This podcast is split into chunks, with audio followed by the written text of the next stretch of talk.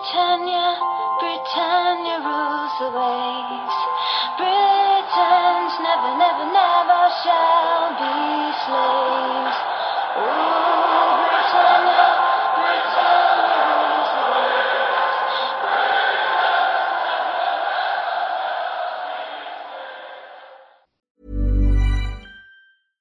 Sandra, and I'm just the professional your small business was looking for. But you didn't hire me because you didn't use LinkedIn jobs. LinkedIn has professionals you can't find anywhere else, including those who aren't actively looking for a new job but might be open to the perfect role, like me. In a given month, over 70% of LinkedIn users don't visit other leading job sites. So if you're not looking on LinkedIn, you'll miss out on great candidates like Sandra. Start hiring professionals like a professional. Post your free job on linkedin.com/people today.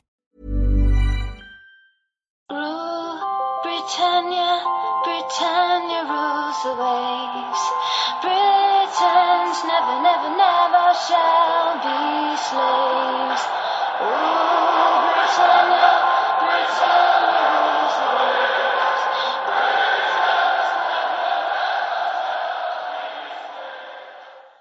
Avsnitt 55, Svenska FPL-podden. Vi spelar in idag, sent tisdag kväll den 1 oktober. Och eh, agendan för dagens avsnitt är som följer. Vi ska syna Game Week 7 i sömmarna. Och eh, gå igenom lag för lag, se vilka lag som sticker ut och vilka som vi håller oss borta ifrån. Vi kikar snabbt in i poddligan där vi har en ny ledare och eh, vi spanar även in poddlaget. Nytt för den här veckan under veckans rekommendationer är att vi kommer testa en liten ny grej eh, vi, i själva rekarna. Vi kommer till det lite längre fram men eh, det kommer bli lite nytt som vi ska testa. Ni får jättegärna komma med, med feedback på detta. Och sen avslutar vi med lyssnarfrågor. Dagens avsnitt är som vanligt sponsrat av vår spelpartner Coolbet. Och Stefan, har du hittat något intressant spel inför helgen? Ja, men jag har två stycken som eh, sticker ut tycker jag. Och det första är att Manchester City ska vinna med två mål mot Wolves. Eh, och till 1.38. Eh, och det här ser jag som stensäkert. Eh, Wolves spelar ju Europa League-match eh, torsdag kväll. Eh, och eh, City spelar Champions League här redan i idag. Eh, Så att de får två dagars eh, längre vila. Eh, Wolves bortamatch i, i Europa League dessutom mött Besiktas och ställer de upp med ett förmodat starkt lag som jag tror att de kommer göra så, så tror jag att de kommer vara mentalt slitna inför City-matchen och då kommer det rulla iväg tror jag. Ja, det låter, låter vettigt. Den andra matchen är ett kryss mellan Liverpool och Leicester till 4,6. Eh, Och jag tror Pool får riktigt eh, jobbigt här. De eh, hade en tuff match mot Sheffield som eh, gick hela 90 minuter. Eh, de spelar Champions League på onsdag eh, och eh, sen spelar de redan på lördag mot eh, Leicester som har fått vila hela veckan. Eh, Och Leicester imponerade, vann med 5-0 mot eh, Newcastle och eh, har eh, sett eh, framförallt ruggigt stabila bakåt ut. Så jag tror Pool får kämpa hårt för, för en seger där. Och jag tror Ja. att deras vinstrad tar stopp. Ja, bra spelvärde. Eh, kom ihåg att spel enbart är för dig som är över 18 år och spela ansvarsfullt. Vi ska även tacka våra övriga partners i Dynamo Sports, Glenn Sportsbar och Unisportstore.se som ser till att vi har ett så fint prisbord i poddligan. Okej, eh, en fråga till våra lyssnare. Jag hoppas att ni har skrivit in den 19 oktober i era kalendrar. Det är då jag och Stefan kommer till Göteborg och har en hel dag med fotboll, bärs och diverse tävlingar med fina priser hos vår favoritsportbar Glenn Sportsbar i Gamlestan, Göteborg. Kika in och kolla en match eller häng hela dagen med oss. Ni hittar Facebook-eventet på vår Facebook-sida och eh, jag kan väl säga det, jag har lite hintade, hintat det till dig Stefan, men innan vi går in och, i matchgenomgången och pratar United-Arsenal så ska ju du den här dagen till ära ha på dig en United Robin van Persie-tröja efter att du torskade vår interntävling här under förra säsongen. Så det var ju eh, straffet, men jag skulle säga att det är en ganska fin belöning. Så att kom förbi in eh, om, om Glenn och ge Stefan en high five när han sitter där i sin United-tröja. Jag tror att han kommer behöva det. Ja, nej, det, det suger faktiskt hårt, men, eh, men så är det. Eh, du kan väl hoppa in i United-Arsenal på en gång tycker jag nu i matchgenomgången. Ja, eh, här är det rätt uppenbart att eh, det är långt ifrån glansdagarna för, för båda klubbarna. Eh, det var en match som i långa stunder var rätt, rätt tråkig. Men vi ska prata fantasyvärde här och jag börjar med Arsenal då, för att där tycker jag att det är en spelare som verkligen sticker ut i, i Aubameyang som återigen blir målskytt och lite eftersom han är så mycket bättre än alla andra i, i Arsenal så, så plockar han hem alla bonus eh, mest hela tiden eh, när, han, när han gör sina mål. Eh, och eh, om man drar ut spelschemat så kan man dra ut det rätt eh, långt här och det ser riktigt, riktigt fint ut. Så att eh, Aubameyang kommer vara en, en stark kandidat här i, i eh, fantasy även om Arsenals eh, spel har mer att önska så så kommer han vara fin och han kommer även vara ett fint kaptensalternativ i många av de här veckorna. Framförallt när de har hemmamatcher på Emirates, vilket fem av de åtta kommande matcherna är mot beskedligt eh, motstånd. Mm, du, eh, en fråga där bara. Eh, Pepe, hur är din relation till honom? Det, förra veckan så hyllade du honom och pratade om att ta in honom i ditt privata lag och sådär. Nu förstår jag att du kanske inte är lika kär i honom. Känns som en ganska upp och ner relation. Ja, absolut. Man hoppas ju. Eh, hoppet är det sista som överger Nej, det var en riktigt usel prestation eh, och eh, han blev ju eh, överglänst av eh, Saka för 4,5 här i fantasy. Så att eh, nej, PP måste, måste upp eh, 2, 3, 4 snäpp eh, för att han ska bli intressant från den här nivån. Mm. Nej, det var egentligen det jag hade att säga om, om Arsenal. Försvaret ser ju eh, rätt öppet ut fortfarande, även om det kanske var en lite bättre eh, försvarsinsats i den här matchen. Man släppte inte till jättemånga chanser, men, men samtidigt så kanske det berodde också på att eh, United inte var eh, jättevassa eh, framåt. De har också haft problem med sitt eh, anfallsspel. Absolut.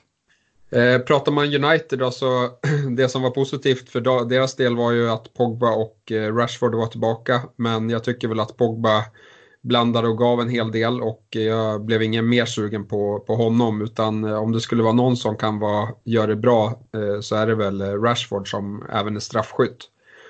Sen tror jag väl att försvarsspelet också kan hålla nollor även om det har slinkit in en, en boll i många matcher här så släpps det inte till jättemycket lägen och i den här matchen så bjuds ju eh, Arsenal på det målet man gör eh, då Toan Sebe slår en vansinnig passning som, som vi utnyttjar där. Eh, men, men annars så, så tror jag fortsatt på det. Och, men den som jag kanske är mest intresserad av, han, han spelade inte den här matchen i Van Bissaka. Han, vad jag har hört i alla fall, du har sagt bättre koll Alex, så var han sjuk och missade på grund av den anledningen. Ja, det stämmer. Det är sjukdom som gör att han Eh, får utgå och Ashley Young kliver över på högerbacken och Toan Sebe får fylla i som, som vänsterback. Så, så ser det ut. Eh, jag kan väl säga det och skjuta in om Rashford där. Eh, han lockar inte mig heller faktiskt. Jag tycker han har varit ganska svag de senaste matcherna han har spelat. Eh, jag tyckte han såg intressant ut i början kanske behöver att Martial kommer tillbaka för att Rashford ska eh, ja, men, börja prestera igen. Jag, jag hoppas i alla fall att det ska göra att Rashford kommer igång. Men just nu så går inte jag in och söker någon United-spelare i mitt fantasylag utan jag avvaktar. Jag tror att United under säsongen kommer kunna komma in i sådana här stim då de vinner mycket matcher. Men de är inte inne i ett sånt stim just nu så att jag håller mig bara borta helt enkelt. Yes, ja, det var inte, jag hade inte så mycket mer att säga om den matchen faktiskt. Nej, eh, inte jag heller. Så jag går vidare med Sheffield United-Liverpool och Liverpool fortsätter sin vinststreak om en med lite eh, nöd, ja, precis på, på gränsen att det blir en vinst. Eh, samtliga i Liverpools fruktade defensiv blankar och det är istället Wijnaldum som avgör efter en ordentlig målvaktstavla. Salah har en ytterligare riktigt blek match och han har fortfarande inte gjort mål på bortaplan i årets ligaspel. I slutet av matchen bjuds han på ett friläge men kan inte riktigt sätta dit den. Eh, Mané, ja, han var väl snäppet vassare men ändå utan att imponera allt för mycket. Han har två riktigt fina lägen varav ett sitter i stolpen. Ytterbackarna då, ja, både Trent och Robertson har även de en liten blekare insats offensivt än vad vi är vana att se. Dock så får de äntligen en nolla på sitt konto, vilket vi inte varit bortskämda med. Ehm, ett ganska prövande spelschema sett eh, kommande fem matcher väntar för Liverpool. Eh, då de i tur och ordning ska möta Leicester, United, Spurs, Villa och City. Eh, samtidigt som jag har svårt att eh, se att de ska gå rent de här fem matcherna så tvivlar jag inte på att deras populära spelare kommer att ta poäng. Så eh, Salah, Mané, Firmino, Trent, Robertson, van Dijk, jag tror att poängen kommer fortsätta komma här. Så det är inte läge att byta ut dem för ett tufft eh, spelschema tycker jag. Eh, efter de här fem matcherna som jag nämnde ser spelschemat dessutom väldigt lockande ut. Och om man inte har tre Liverpool-spelare eh, just nu så kanske man inte behöver stressa in det. Men man kanske bör kolla på vilka tre man skulle kunna få in tills, tills dess. Pratar vi Sheffield United istället så visar Sheffield att de är starka hemma och inte på något sätt eh, är de ofarliga i den här matchen. Eh, och ja, Watford borta väntar närmast innan landslagsuppehållet. Lite halvlurigt spelschema fram till eh, december då de har en decembermånad där spelschemat ser eh, riktigt bra ut. Jag personligen håller endast kvar vid Lundstram i backlinjen och ger han chansen i de få matcher där motståndet är överkomligt och gärna då på hemmaplan. Yes, jag tänkte fortsätta med Everton Manchester City som eh, City vinner med 3-1 och eh, man gör det rättvist men jag tycker att, eh, att eh, nu när man möter lite bättre motstånd att bristerna i försvaret syns mer, man släpper till eh, fler lägen. Eh, offensivt sett så tycker jag att det är Mares eh, som är bäst på plan, även om Sterling också är bra, framförallt i, i andra halvlek. Eh, sen fortsätter ju Kevin De Bruyne att leverera, eh, men i den här matchen kanske det var lite mer maxutdelning än, än något annat, eh, då han fick en, en billig ass. Och som vi redan vet så, så kommer ju Pep fortsätta rotera sitt lag och eh, han bekräftar även det efter matchen när han får frågan om varför Agüero vilades så, så säger han att det är, det är sättet att hålla truppen på topp i 11 månader. Så att eh, det, det är ingen eh, ny eh, devis från, från Pep här utan vi kommer fortsätta se rotation och det eh, ser man även i dagens Champions League-match där bland annat Sterling och Walker ställs över tillsammans med Sinchenko. Eh, med det sagt så bör man fortsätta äga City-spelare då spelschemat ser jättefint ut och och eh, man får helt enkelt svälja när, när bänkningen väl kommer skulle jag säga. Evertons del så tycker jag att eh, trots förlusten så var det här i alla fall ett steg i rätt riktning. Eh, men det kommer krävas mer från min sida för att övertyga mig att investera i någon därifrån. Har man dock till exempel behållit en Digné så kan man ge honom ett par omgångar till härifrån skulle jag säga. Men i den här matchen var det hans backkollega Mina som hotade allra mest tillsammans med Calvert Lewin. Yes, uh, City kan vi nämna, de har ju hemmamatch i Champions League så det är inga resor eller så som påverkar. Uh, vi kan även lägga till det för Arsenal och United som spelar i Europa League här på torsdag. Arsenal har hemmamatch och uh, United har bortamatch med en ganska kort avstånd. De är i Holland och möter AZ. Eh, dessutom förväntar vi oss eh, lite roterade, roterade lag i Arsenal och United, men jag tycker vi kan nämna det ändå. Yes, vi måste ju också nämna att, att Kevin De Bruyne har ju ådragit sig en, en ljumskskada här och vi vet ändå, ännu inte hur allvarlig den är, men han spelar ingenting idag i Champions League i alla fall. Nej, och det är väl det officiella uttalandet som har kommit att han inte skulle vara med i, i eh, Champions League. Men eh, vi har inte fått någon mer information gällande eh, om det är så att han missar någon ligamatch. Det troliga är väl ändå att han missar Game Week 8 skulle jag tro. Jag vet inte om vi kommer få så mycket mer, mer svar från, från City och Pep eh, i, presskonferenserna men eventuellt kan man få det. Eh, sen så kommer ju ett landslagsuppehåll och eh, ja, om det inte är en jätteallvarlig skada så bör han väl vara tillbaka till Game Week 9. Men vi vet ju hur eh, De Bruynes skadehistorik har sett ut så att eh, man får följa med där lite grann så gott det går. Eh, jag tänkte gå vidare med Chelsea-Brighton, en match som Chelsea vinner med 2-0. Och eh, det har varit mycket spekulationer om vem som är första straffskytt i Chelsea. I den här matchen så inleder Jorginho målskyttet från straffpunkten efter att Mount har blivit fälld. Eh, Jorginho får alltså lägga straffen trots att spelare som Barkley och William båda var på planen. Dessutom så bekräftar Lampard eh, efter matchen att Jorginho är straffskytt nummer ett i Chelsea. Så nu har vi fått lite raka besked där.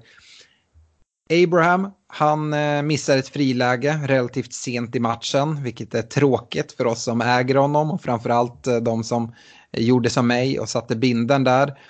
Uh, han har även en nick i stolpen vid en fast situation. Men uh, jag är inte helt säker om han uh, är på bollen eller inte. Jag kan inte riktigt se det och avgöra det på, på reprisen. Men han är väl nära i alla fall. Och med detta så är han den spelare som har högst bakomliggande statistik kring förväntad målinblandning trots hans blankning. Så att jag är inte orolig för Abraham och eh, jag är rätt säker på att poängen kommer fortsätta komma. Så jag är fortsatt eh, väldigt intresserad av Abraham. Eh, vi fick även se Chelseas första nolla för säsongen och eh, med deras spelschema kanske vi kan hoppas på mer av den varan. Kommande tre matcher som väntar är Southampton, Newcastle och Burnley. Och eh, jag vänder mig till Tomori Eh, i försvaret hos Chelsea. Eh, där finns väldigt mycket värde. Jag tror han gått upp till 4,6 nu. Men gillar ju spelschemat generellt så även spelare som Mason Mount på mittfältet eller nämnde Abraham på topp är spelare som jag tycker erbjuder väldigt fint värde för pengarna. Den som är beredd att chansa lite mer och investera mer pengar i Chelsea-försvaret än billige Tomori skulle kunna slå till med Alonso som i den här matchen ser riktigt eh, pigg ut offensivt och eh, vi vet alla vad han kan. Just nu så saknar han dessutom konkurrens då Emerson är borta skadad ett tag till. Men eh, den stora risken med det här ska man veta är att som sagt landslagsuppehållet väntar efter Game Week 8 och Eh, eventuellt skulle Emerson kunna vara tillbaka redan efter det och till Game Week 9. Och då, då börjar den här konkurrensen igen och det vi såg innan Emersons skada var att eh, Emerson spelade vecka efter vecka. Så frågan är om eh, Alonso har gjort tillräckligt för att eh, knycka till sig den platsen. Vi får se. Brighton då. Ja, eh, Brighton fortsätter kämpa med poängen och har faktiskt endast vunnit ligapremiären. Därefter har det blivit tre torsk och eh, tre kryss. Spurs hemma väntar i Game Week 8, därefter tre lite enklare matcher innan mardrömsschemat tar fart. Jag håller mig borta från Brighton. Yes, Leicester Newcastle blev hela 5-0 och Eh, här var det ju en överkörning av ett sorgset eh, Newcastle på schemat och Leicester saknade dessutom sin kreatör i Madison. Eh, ska man säga någonting så kanske siffrorna rann iväg lite väl mycket. I alla fall om man kollar på eh, hur kvalitativa chanser som Leicester skapade. Men de fortsätter se ruggigt, ruggigt stabila ut bakåt. Och Ja, efter Liverpool-matchen här då har de dessutom ett bra spelschema under en längre tid eh, och då tycker jag att man bör eh, överväga Vardy eh, och Sojuncu framförallt men även Madison trots att han missar den här matchen med en skada så tror jag att han kommer vara tillbaka efter landslagsuppehållet för att det var i, i alla fall inte vad det såg ut någon allvarlig skada på hans ankel där utan den, han borde kunna vara tillbaka. Men, men eh, allt ser jättebra ut för Leicester. Det som man kanske, kanske kan klaga lite grann på det är att eh, de borde kunna skapa ännu mer chanser. Men eh, som sagt, de uppträder lite som ett storlag och eh, håller i bollen när de behöver, eh, kontrar när de behöver göra det. Eh, och eh, nej, de blir farliga i år tror jag. Newcastle de skapade närmast ingenting i den här matchen. Eh, de hade ett en expected goal på 0,08 eh, vilket måste vara någon slags av bottenrekord. Eh, och nej, det finns ju ingenting av värde här, det är bara att undvika just nu. Yes, Tottenham Southampton, 2-1 till Tottenham. Eh, jag skulle säga att det är väldigt starkt av Tottenham att lyckas vinna efter Oreers dumma utvisning redan i matchminut 31 och dessutom Juris bjudning till 1-1. Om ni inte har sett det så eh, tycker jag ni ska spana in det. Det har man någonting att skratta åt. Eh, Oreer missar nu Game Week 8 mot Brighton och eh, är som jag varit inne på tidigare en spelare som jag kommer att fortsätta undvika även fast hans poängtak är högt när han väl spelar. Eh, offensivt så kretsar det, eh, det väldigt mycket kring Kane och Son samt Eriksen som denna vecka lyckas ta plats i startelvan återigen. Eriksen stod för en väldigt fin insats och som jag varit inne på tidigare så tror jag att man ska akta sig för att sitta kvar på en spelare som eh, Lamela då hans eh, minuter kommer minska rejält jämfört med säsongsinledningen då han spelat mycket och dessutom levererat en hel del poäng. Kollar vi till kvällens Champions League-match då Tottenham möter Bayern München hemma så eh, är Eriksen på bänken nu återigen men Lamela spelar inte utan det är Ali som eh, ja, men har kommit tillbaka från skada som, som får förtroendet. Och det är väl det jag tror om Eriksen eftersom att hans framtid är lite osäker så tror jag inte att han kommer vara en regelbunden startspelare utan han kommer nog finnas på bänken lite till och från då Tottenham kanske förbereder sig för en framtid utan Eriksen inför nästa säsong. Eller kanske till och med redan i januari om de ska få några pengar för honom. Eh, I matchen mot Bayern München så den pågår ju just nu men Son har gjort eh, eh Tottenhams enda mål och eh, han är mitt självklara val i Spurs. Och, eh, han står för poäng nu här fjärde matchen i rad i ligan. Eh, Kane, ja, han levererar, men eh, för mig så lockar Aubameyang mer i den prisklassen för forwards. Speciellt då Son finns i Spurs för att ge täckning på Spurs offensiv om man nu känner att man behöver ha det. Eh, överkomligt motstånd i Game Week 8 då Brighton väntar borta. Det som dock oroar är Spurs dåliga bortaform och eh, om den här dåliga bortaformen håller i sig blir det jobbigt kommande fyra matcher. Då de har just eh, ytterligare två bortamatcher utöver Brighton i form av de två Liverpool-lagen Everton och just Liverpool. Just nu skulle jag i alla fall inte sätta en kaptensbindel på Kane eller Son när Spurs spelar på bortagräs eftersom att eh, jag tycker de eh, visar inte upp tillräckligt eh, bra spel på, eh, på bortaplan. Däremot hemma så har de ju fina matcher och eh, där skulle man kunna tänka sig eh, antingen sätta binden på ja, Son eller Kane skulle jag säga. Om vi pratar Southampton så kan vi hålla det väldigt kort. I den här matchen så, så klev Cedric Suarez av eh, redan på matchvärmningen. och eh, ja, det är ett riktigt jobbigt spelschema för Southampton kommande sex matcherna. Och eh, det är heller inte många spelare som jag lockas av generellt. Och det gör att jag håller mig helt borta från Southampton. Yes, eh, jag fortsätter med Bournemouth West Ham som slutade 2-2. Eh, och jag har ju tjatat om Wilson ett tag och killen fortsätter leverera poäng i varje match. I den här matchen hade det dessutom kunnat blivit mer då han har Eh, flera lägen. Eh, jag tror fortsatt att eh, Bournemouth kan, kan göra mål på de lagen som de ska möta här kommande matchomgångarna. Så att eh, jag ser fortsatt eh, fint ut på framförallt Wilson. Eh, King kommer också iväg med 1 plus 1 från den här matchen men om man kikar på statistiken så är det stor fördel eh, Wilson men eh, man kan ha i bakfickan att King är straffskytt i Bournemouth så det kan komma lite Eh, Eh, plusmål från hans sida. Eh, jag tycker också att man ska nämna Rico i backlinjen eh, som skapade hela sex chanser i den här matchen och utan att få någon utdelning. Han har gjort ass två omgångar i rad men det blev ingen ass i den här matchen. Men, men det tyder ändå på att offensiva poäng kan fortsätta trilla in på honom men nollorna kommer nog bli lite svårare att få in på kontot. West Ham då.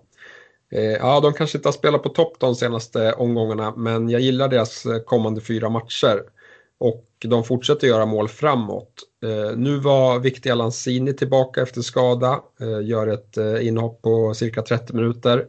Och jag tycker det gör Haller mer intressant samtidigt som att Lanzini kan vara en differential att gå mot. Annars så måste vi nämna Jarmolenko här som stängde in sin tredje balja för säsongen och Eh, finns för endast 5,9 på, på mittfältet och han verkar ju ha mer eller mindre etablerat sig på den eh, höger, höger eh, ytterflanken där. Bakåt så måste man ju nämna att Fabianski klev av men med en, vad jag har läst, allvarligare form av höftskada och det ryktas om att han kommer vara borta eh, två till tre månader eh, på de rapporter jag har sett. Så att, eh, det är tungt, framförallt när de har gjort sig av med Adrian då, till eh, Liverpool. Mm, ja, man ska verkligen följa Fabianski. Jag tror han är väldigt viktig för eh, intresse kring eventuella West Ham-försvarare också. Han betyder mycket för det där försvaret. Eh, gällande Bournemouth och Rico där skulle jag vilja eh, kolla med dig. Eh, känner du någonting, eh, att det finns någon risk att eh, det, hans plats kanske inte är helt säker? Han har ju fått chansen när det har varit skador men eh, det är väl eh, skador som börjar, skadesituation som börjar lätta upp där bak. Nu har han ju som sagt skapat mycket lägen. Tror du han har helt gjort den där platsen till sin? Eh, den som han främst konkurrerar med, eh, som jag inte kommer ihåg namnet på nu, men han är väl fortsatt ska skadad. Men däremot så har ju Bournemouth eh, spelat med wingbacks. Och då har man ju valt Fraser framför Rico i de eh, omgångarna. Så att eh, det beror väl kanske lite på vilken taktik eh, som, eh, som de väljer att ha. Mm. Yes. Eh, jag tänkte att vi fortsätter med en annan 2-2 match i form av Aston Villa-Burnley. Och jag tänkte börja med Burnley. Här ser vi båda ytterbackarna i Peters och Lauton stå för assist. Eh, och eh, Burnley formerade taktiskt om, om laget till en fronttrea istället för radarparet Wood och Barnes uh, en bit in i den här matchen. Detta gjorde att Barnes kom ut till vänster när Jay Rodriguez tog platsen till höger och då att Chris Wood får förtroendet centralt. Det tycker jag bara spär på mina tankar kring att Wood kommer visa sig vara ett minst lika bra alternativ över säsongen som Barnes. Eh, trots att Barnes då inledde säsongen urstarkt. Eh, om vi kommer se mer av det, det, här systemet så är det inte bara Wood som kommer tjäna på det utan förmodligen även båda ytterbackarna som får väldigt framskjutna roller och lite kanterna för sig själva då de smalnar av sitt, sitt mittfält. Och eh, Burnleys spel bygger på mycket inläggsspel och tar de in sina yttrar i banan och ger fritt framför ytterbackarna så borde det vara väldigt positivt. Så ja, jag tycker det är väldigt intressant både för Peters och Lauton eh, och följer det ganska, ja, men ganska intensivt. Aston Villa, ja, eh, McGinn tycker jag fortsätter visa att han är den spelare i Villa som man ska satsa på i fantasy om man vill ha någon Villa-spelare. Han gjorde en kasse i den här matchen men skulle mycket väl kunna ha gjort någon till. Sen så ska vi väl nämna McGinns mittfältskollega Graylish som i den här matchen fick utgå från vänster i en fronttrea. Och om eh, detta fortsätter kan fantasyintresset runt honom öka skulle jag tro. Norwich borta eh, väntar nu innan landslagsuppehållet följt av Brighton hemma. Men eh, sen så börjar det komma riktigt tuffa matcher och de löser av varandra. Så om ni exempelvis har McGinn i ett bygge kan det vara läge att ha någon form av exitplan här till Game Week 10. Yes, jag fortsätter med Wolves eh, Watford där Wolves eh, vinner med 2-1. Eh, och jag skulle säga att de vinner matchen men de fortsätter ha svårt att övertyga speciellt mycket. Det är inte samma Wolves som vi såg i fjol. Jag fortsätter att undvika dem då formen måste förbättras och Eh, jag tror att det kommer bli fortsatt eh, komplikationer här med Europa League-spelet. Eh, Watford, de gör en okej okay bortamatch. De kunde ha fått med sig mer än vad de fick. Eh, men jag vill ju såklart se mer av vad det här barkar innan man investerar någonting. Eh, Delofeo blev utbytt i halvtid igen. Jag vet inte om det var skadekänning eller om man bara sket i att spela försvarsspel som man brukar kunna göra ibland. Noterbart är väl att Welbeck fick eh, spela 90 minuter och hotade en hel del. Eh, men i övrigt eh, så vill jag se mer utav Watford. Yes. Och jag tänkte avsluta med Crystal Palace Norwich, en match som Palace vinner med 2-0. Men jag tänkte ändå mm. börja prata Norwich. Och här ser vi att bortastatistiken fortsätter vara riktigt svag. Det är alltså noll poäng och endast ett mål framåt på fyra matcher. I denna match och ett tag framöver kommer de behöva klara sig utan sin första målvakt eh, Tim Krul. Eh, den tilltänkta andra målvakten Färman klev av redan efter 23 minuter i den här matchen och nu lär väl McGovern i alla fall vakta, ka match, äh, vakta kassen i, i nästa omgång. Får vi väl se vad som händer efter landslagsuppehållet. Efter landslagsuppehållet Uh, nej, nu innan landslagsuppehållet så, så väntar Aston Villa hemma. Och uh, då förväntar vi oss eh, offensiv utdelning när man spelar hemma på Carrow Road. Jag vet att många har börjat fingra på att byta ut Pukki efter några blankningar, men mitt tips här är ändå att eh, ha tålamod, i alla fall inför den här gameweeken då de återigen ska spela hemma och det är både Pukki och eh, Norwich som har haft problem borta men gjort fantastiska insatser hemma. Detsamma gäller ju även för Cantwell som jag tycker man bör ha tålamod med. Men även bör man ha förväntningar efter hans låga pris. Eh, snittpoäng i fantasy på hemmaplan för eh, Pukki och Cantwell är eh, 13,3 poäng för Pukki och 7,7 för Cantwell.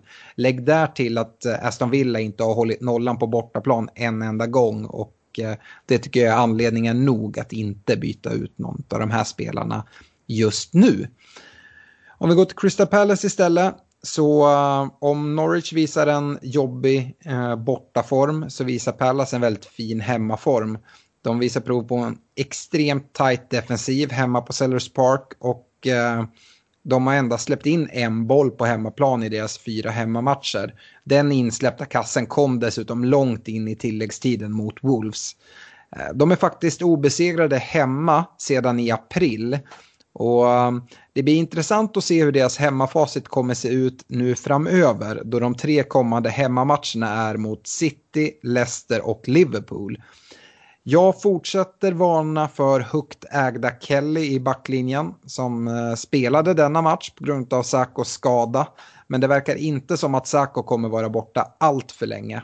En spelare som kommer missa Game Week 8 det är viktige Milivojevic som är avstängd efter att ha Eh, samlat ihop fem varningar. Och vi kan väl nämna det nu innan vi släpper matchgenomgången att eh, det börjar bli aktuellt med de här varningarna för vissa spelare. Det är tre spelare som ligger på fyra varningar just nu.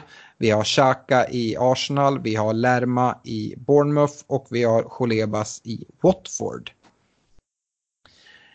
Yes, uh, vi går vidare och kollar in poddligan och som jag hintade lite om i agendan är att vi har en ny ledare och eh, han, eller hon ska jag säga, heter Kim Sköld.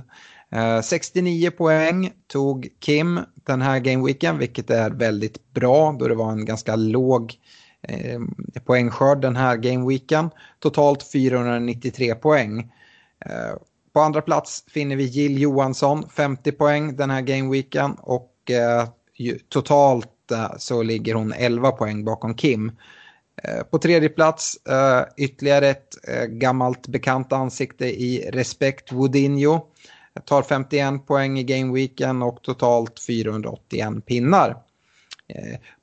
Glädjande är när man kollar in på poddlaget är att vi tog 56 poäng och det är ju mer poäng än både Gill och Respect Woodinho som ligger i topp i ligan. Men vi ligger fortsatt en bit efter i totalen, dryga 100 poäng. Eh, totalt har vi 372 eh, pinnar.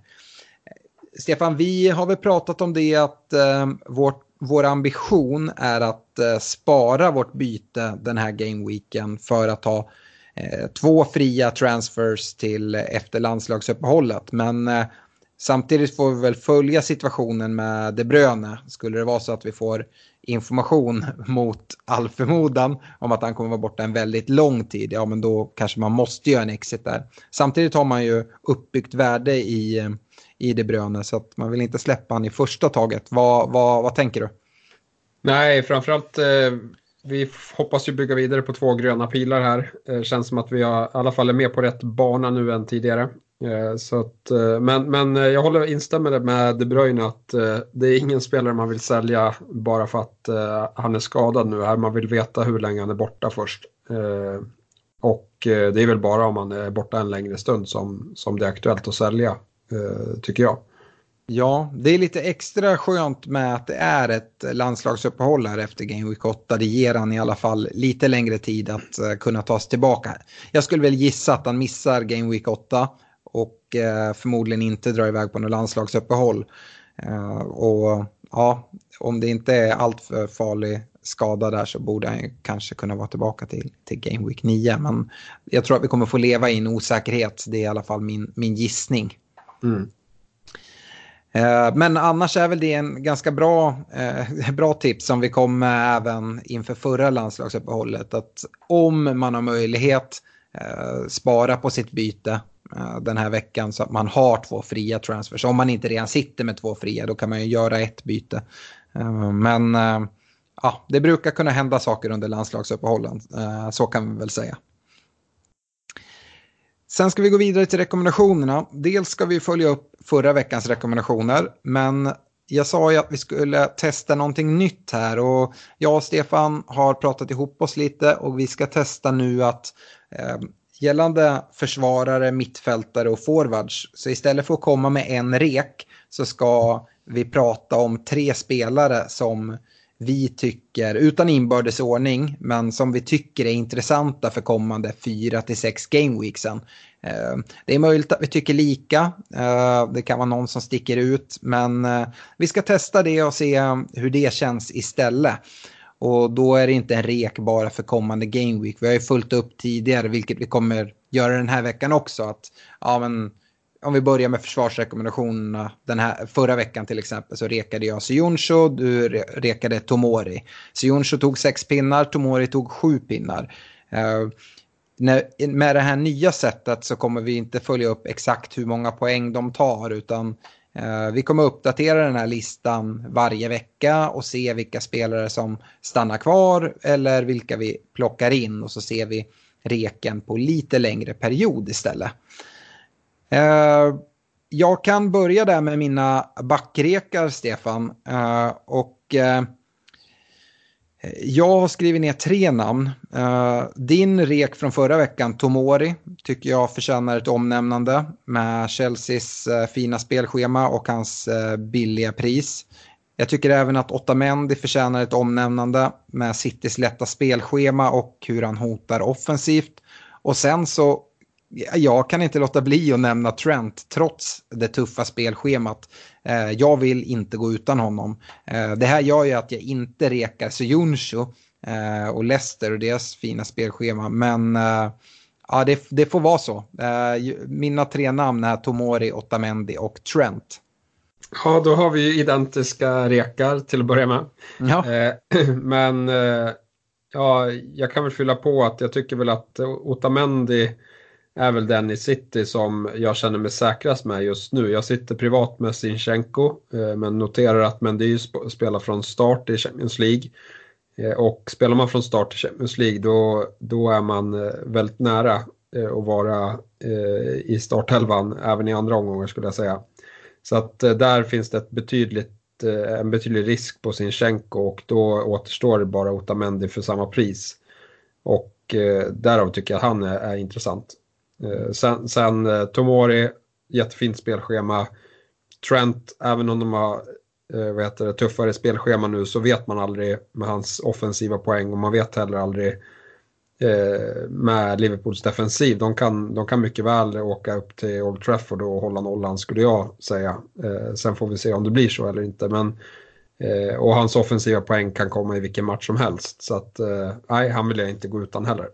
Nej, jag tycker att Trents värde blir än mer intressant då vi inte ser speciellt många eh, premiumalternativ i försvaret leverera. Att då ha en premiumförsvarare, ja men det kan jag tänka mig att ha även om Trent är eh, han kostar en hel del, men eh, då kan man ha honom och ska man ha riktigt billigt i övrigt. Eh, om vi går vidare till mittfältet då. Eh, uppföljning från förra veckan så rekade jag Mount. Eh, sex pinnar blev det där då han fixade straff. Du rekade Madison men med den brasklappen att följa upp och se hur det var med skadan. Han kom ju inte till spel som vi alla känner till.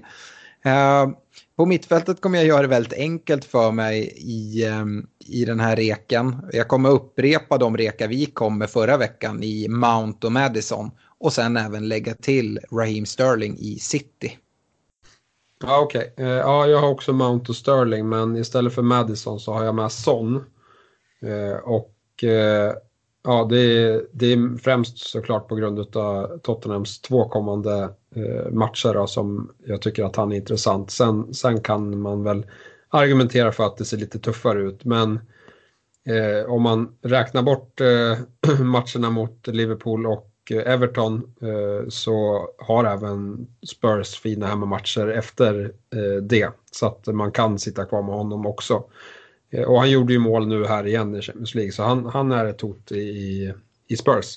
Mm. Ja, jag är med Madison där och visst det är en tuff match nu mot, mot Liverpool och jag förväntar mig kanske inte så mycket poäng där men de här rekarna är som sagt för 4-6 gameweeks och efter Liverpool så är det ju bara kanonschema och Madison är ju hjärnan bakom eh, Leicesters anfallsspel. Så ja, därav eh, är han med på min lista. Eh, forward Posit ja. ja. positivt också för Sterling som får sitta på bänken här i Champions League. Så han kommer ju garanterat starta mot Wolverhampton. Ja, det, det vill jag också tro. Eh, sen så är frågan att se eh, hur pass mycket City påverkas av Kevin De Bruynes eh, bortfall nu. Men eh, ja, det är inte så att det saknas alternativ där, även fast ingen kan gå in och göra det jobb som, som De Bruyne gör. Går vi till forwardsidan så har eh, rekade jag Abraham förra veckan, blev bara två pinnar, precis som din rek Firmino. Eh, och forwardsidan tyckte jag var det absolut enklaste att komma med tre namn. Uh, och för mig är det Aubameyang, Abraham och Vardy. Ja, okej. Okay. Ja, jag har Aubameyang och Abraham, men uh, Agüero som sista uh, kille där. Mm.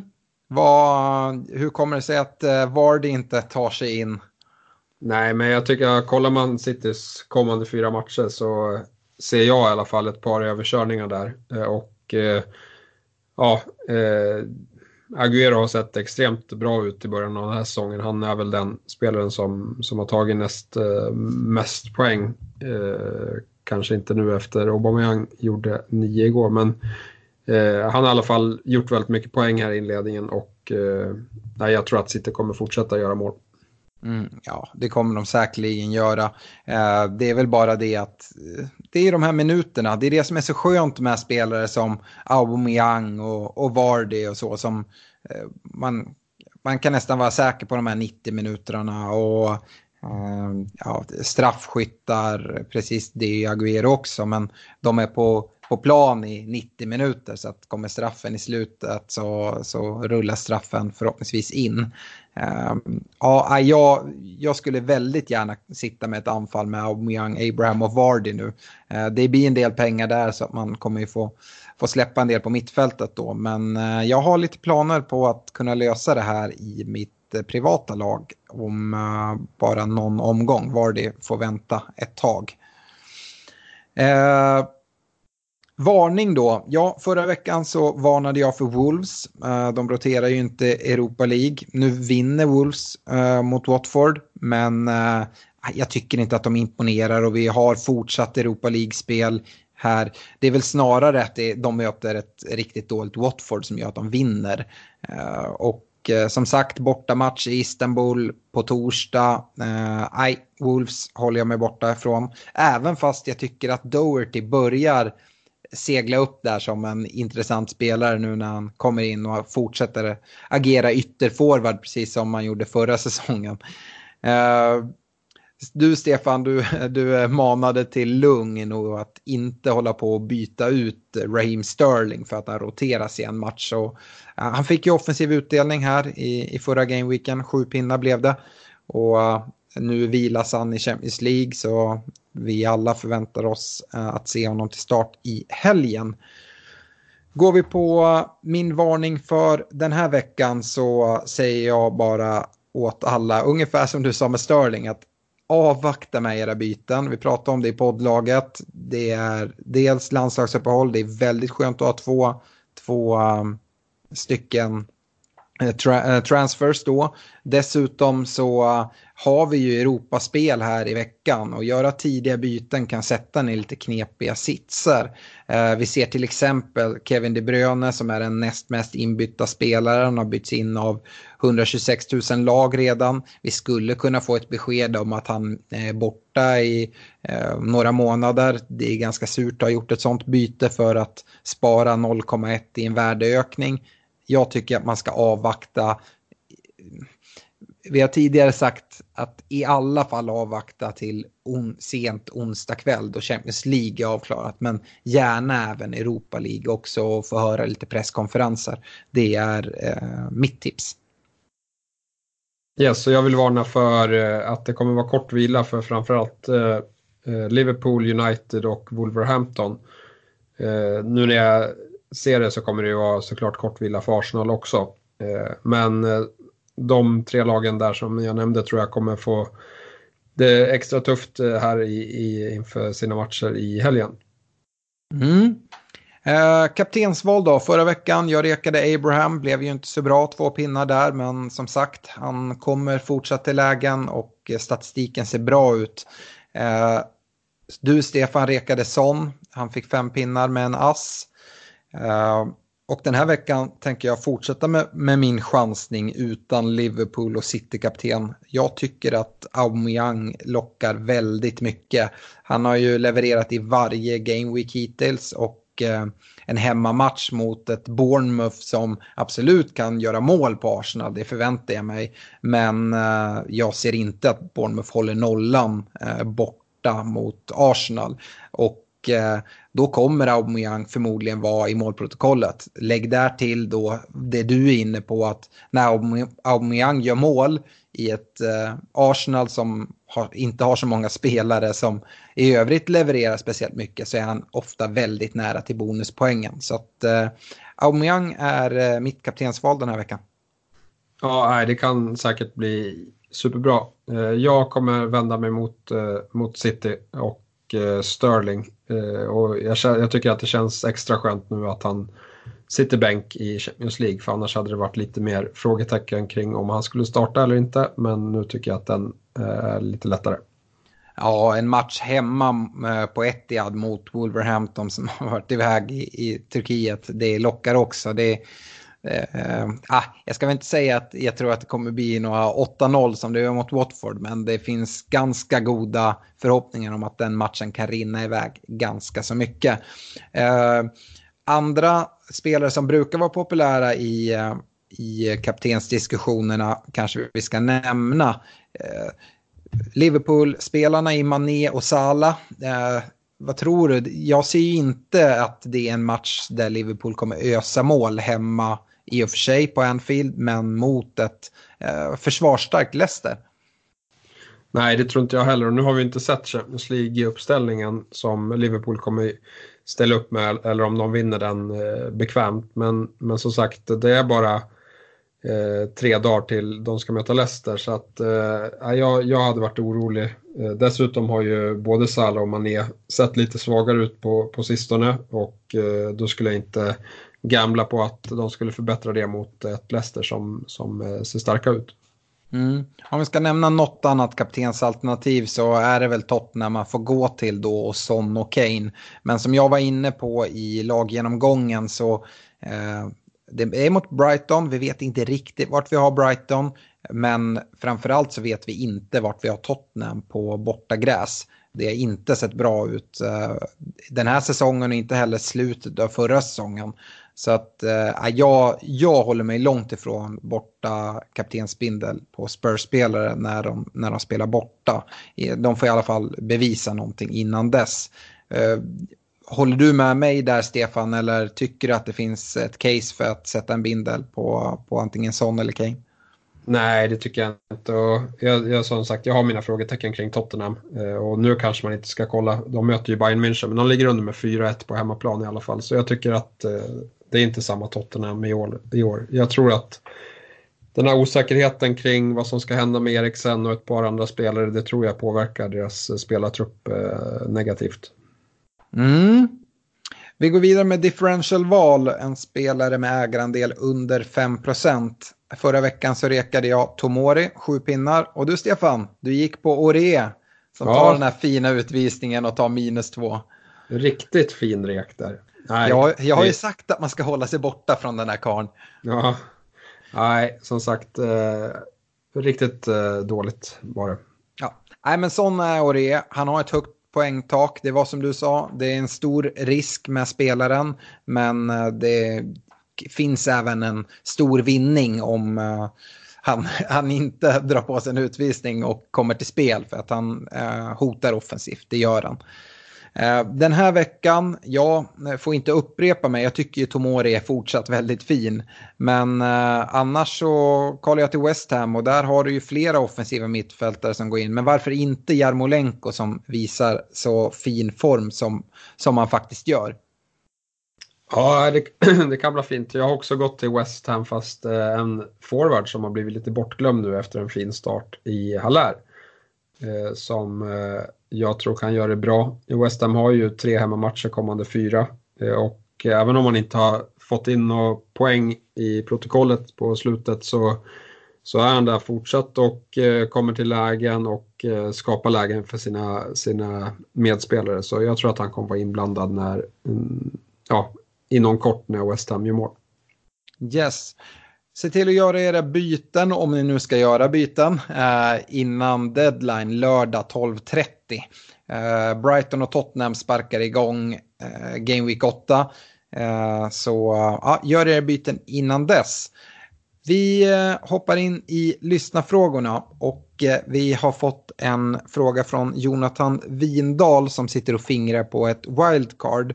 Han undrar vilka fem billiga backar vi skulle välja i ett uh, wildcard. Uh, vi hade väl inte valt fem billiga va? Vi hade väl inte vågat gå utan Trent? Nej, det hade, inte, hade vi inte gjort. Eller inte jag. Och inte du heller sagt Alex. Men, eh, men det finns många andra bra fina eh, billiga backar. Så vi har ju nämnt både Tomori och eh, Soyuncu. De tycker jag är jättefina. Båda två. Eh, och eh, sen eh, ja, har man inte ägt Lundström så kanske det tar emot lite mer att byta innan nu då han har gått upp mycket i pris. Men man kan ju inte klaga på det han ger och Sheffield har ju visat att de kan spela tajt även mot eh, bättre lag så att han tror jag kommer vara en eh, säsongskeeper eh, om man, om man hade honom från början i alla fall. Ja, jag hade inte tagit in Lundström nu om jag inte hade, hade honom sen innan. Men eh, vid ett wildcard, om jag har honom, skulle jag aldrig byta ut honom.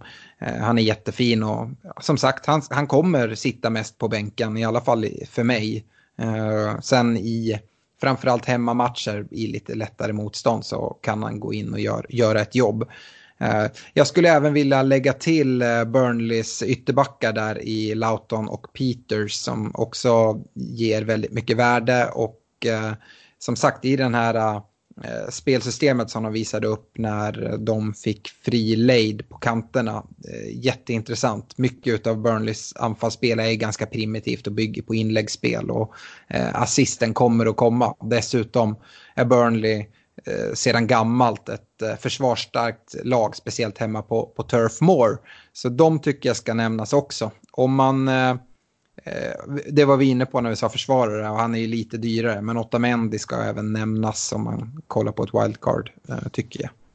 Ja, vi kan nämna Rico också, även om som sagt det är, han, det är ju någon som man kommer ha på bänken för det mesta. Men han, han verkar vara rätt ordinarie nu och eh, han tar ju även, som är, han, jag sa att han skapar sex chanser, men det beror mycket på att han tar hörnor från ena hållet i Bournemouth. Så att eh, det kommer nog fortsätta bli några chansskapningar där. Ja, och där har vi en huvudstark Ake också som gör att eh, Rico kan få någon assist eventuellt.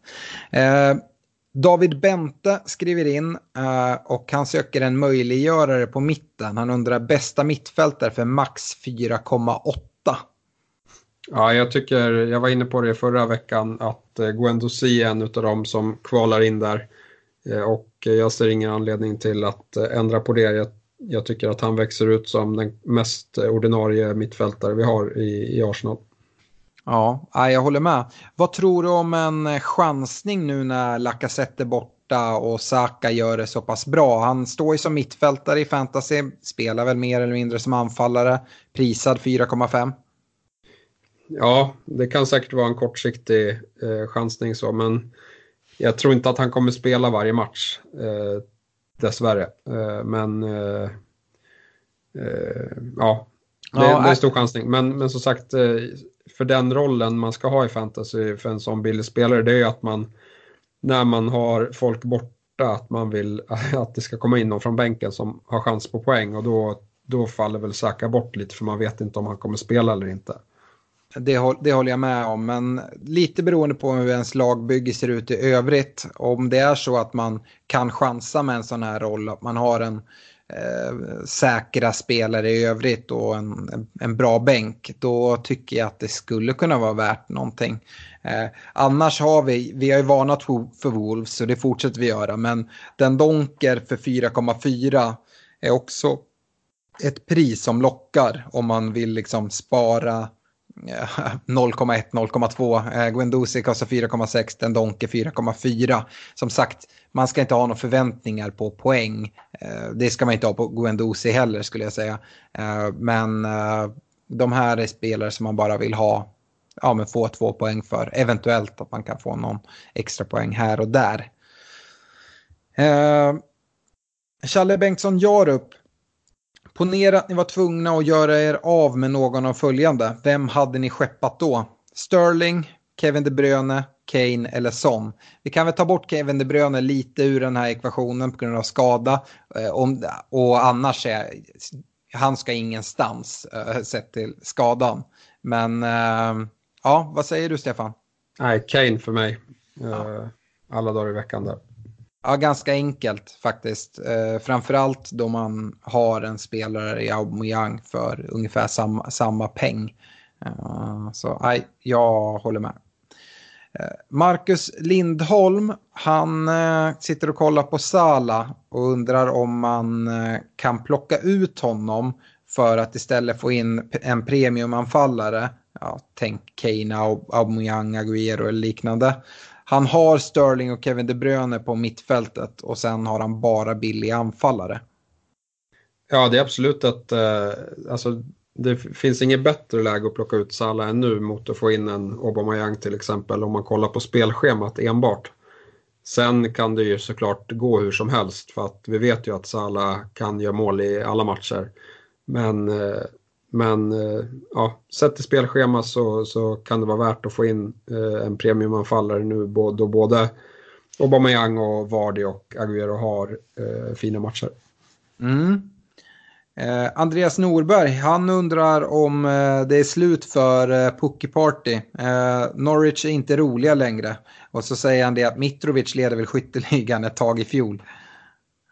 Ja, nej, han har gjort mycket mer än vad, än vad Mitrovic gjorde på hela säsongen skulle jag säga. Men eh, jag skulle inte döma ut Norwich än eh, och framförallt inte på hemmaplan.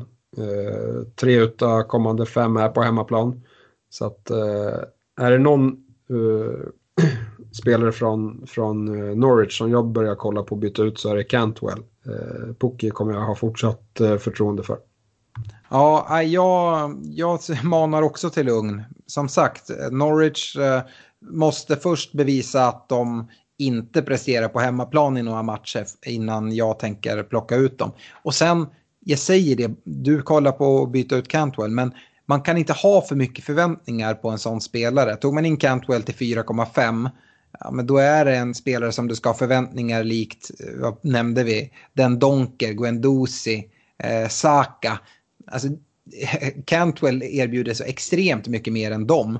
Eh, och nej, jag, jag tycker att man måste ha eh, förväntningar efter eh, pris på spelare, helt enkelt. Absolut, sen kan man ju ha olika strategier. Jag kommer ju gå för ett dyrare mittfält eh, troligtvis och eh, plocka in Madison där. Eh, ja. då, jag, då jag gillar deras matcher väldigt mycket. Eh, det, Men... det skiljer ju ganska mycket i pris så det är inte så många som kan göra ett sånt byte. Eh, och då menar jag att då ska man liksom inte börja säga, ah, men nej, Norwich de är kass. Utan för det första så levererar de på hemmaplan än så länge. Vi får se hur länge det håller i. Men nej, jag, jag tycker inte att man ska hetsa ut några Norwich-spelare utan ge dem lite längre tid tycker jag. Eh, Didrik Nilsson, han eh, undrar lite om Sinchenko och undrar kring hans chanser till att starta i helgen. Nu är väl han inte ens på bänken idag om jag förstår det rätt.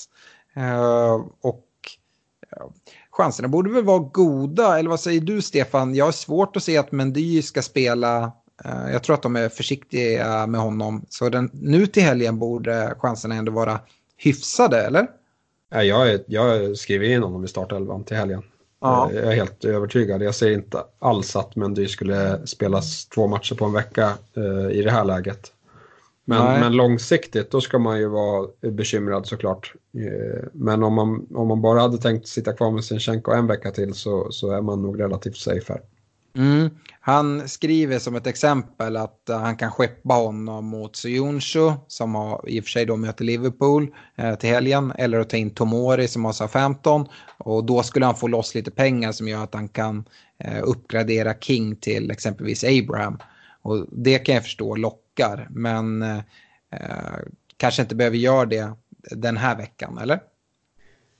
nej, alltså nu ska man väl vara, men alltså Bournemouth har alla möjligheter att göra mål på, på Emirates. Eh, och King kan mycket väl vara målskytt eh, där.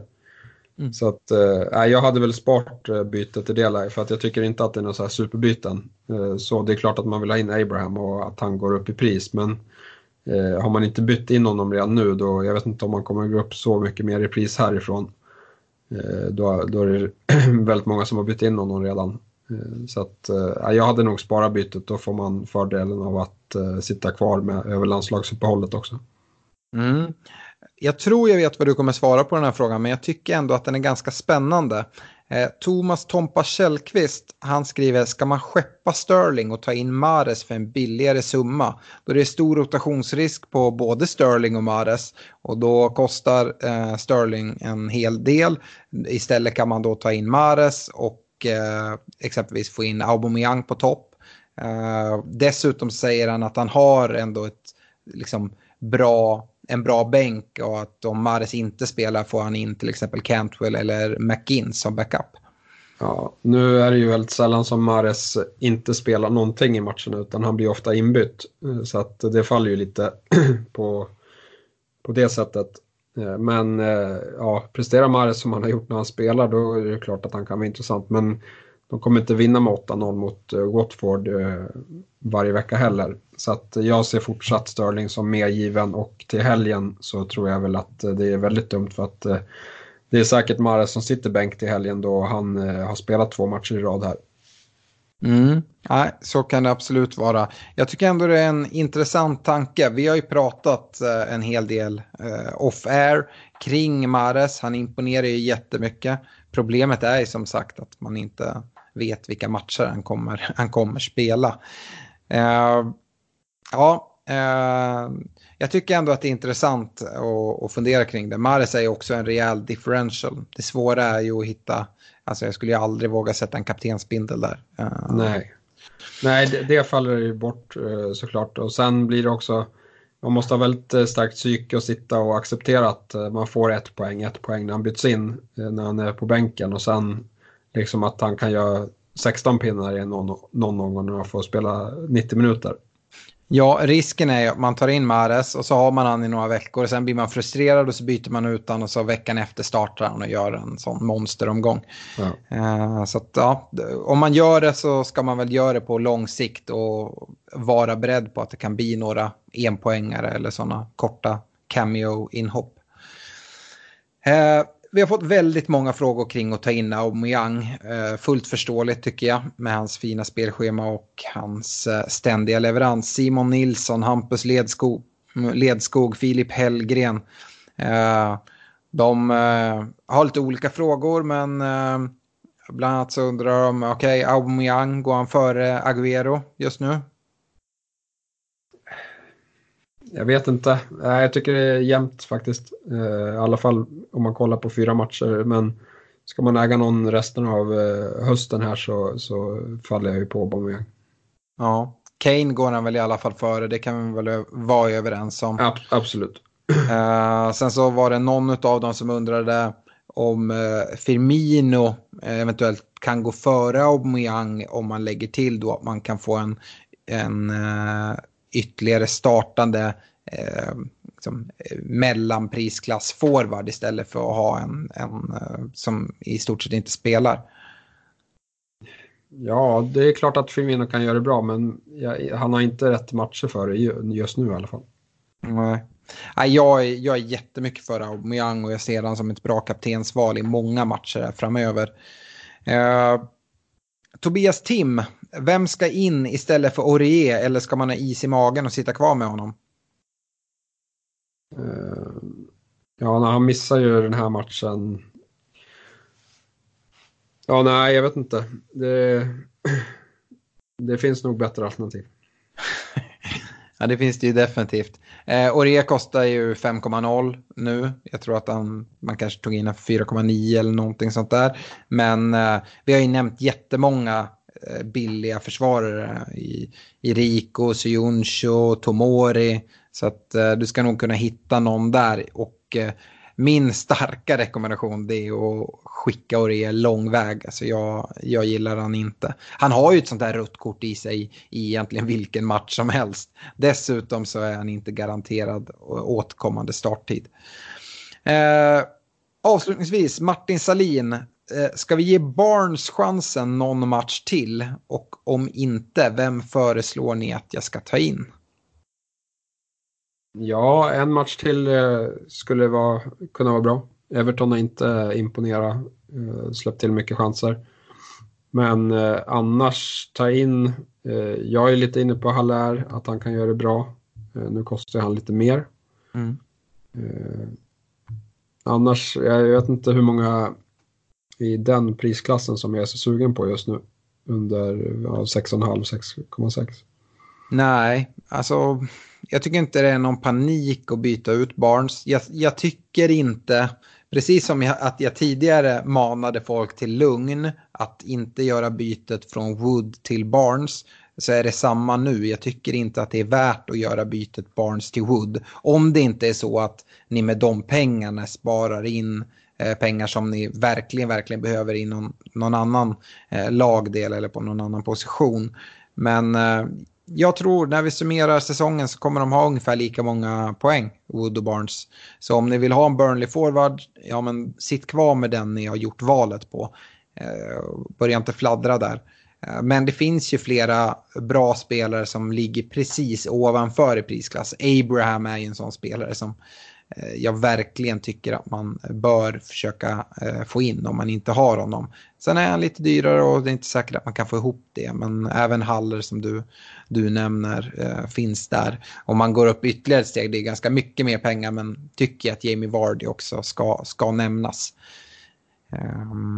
Yes, det var de lyssnarfrågor vi tänkte gå igenom den här veckan. Och nu väntar Game Week 8 innan vi återigen går in i ett landslagsuppehåll. Men eh, vi säger väl som vanligt Stefan, podden tar inga uppehåll för det utan vi kommer tillbaka med en genomgång av Game Week 8 i nästa vecka och vi ska även återkomma med en fortsatt eh, uppdaterad statistikgenomgång. Nu har vi ännu mer statistik att gå på så att siffrorna blir än mer intressanta.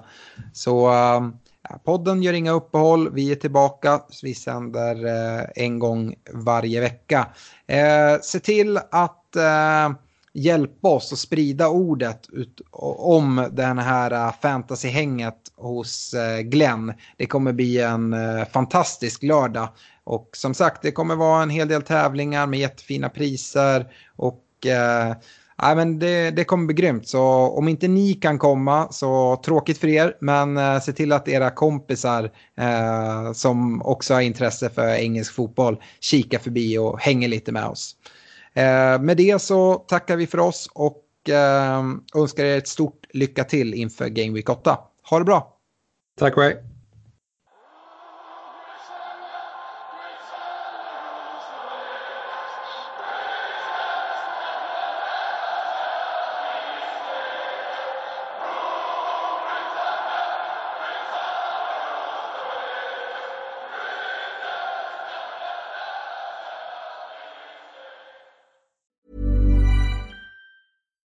Here's a cool fact a crocodile can't stick out its tongue.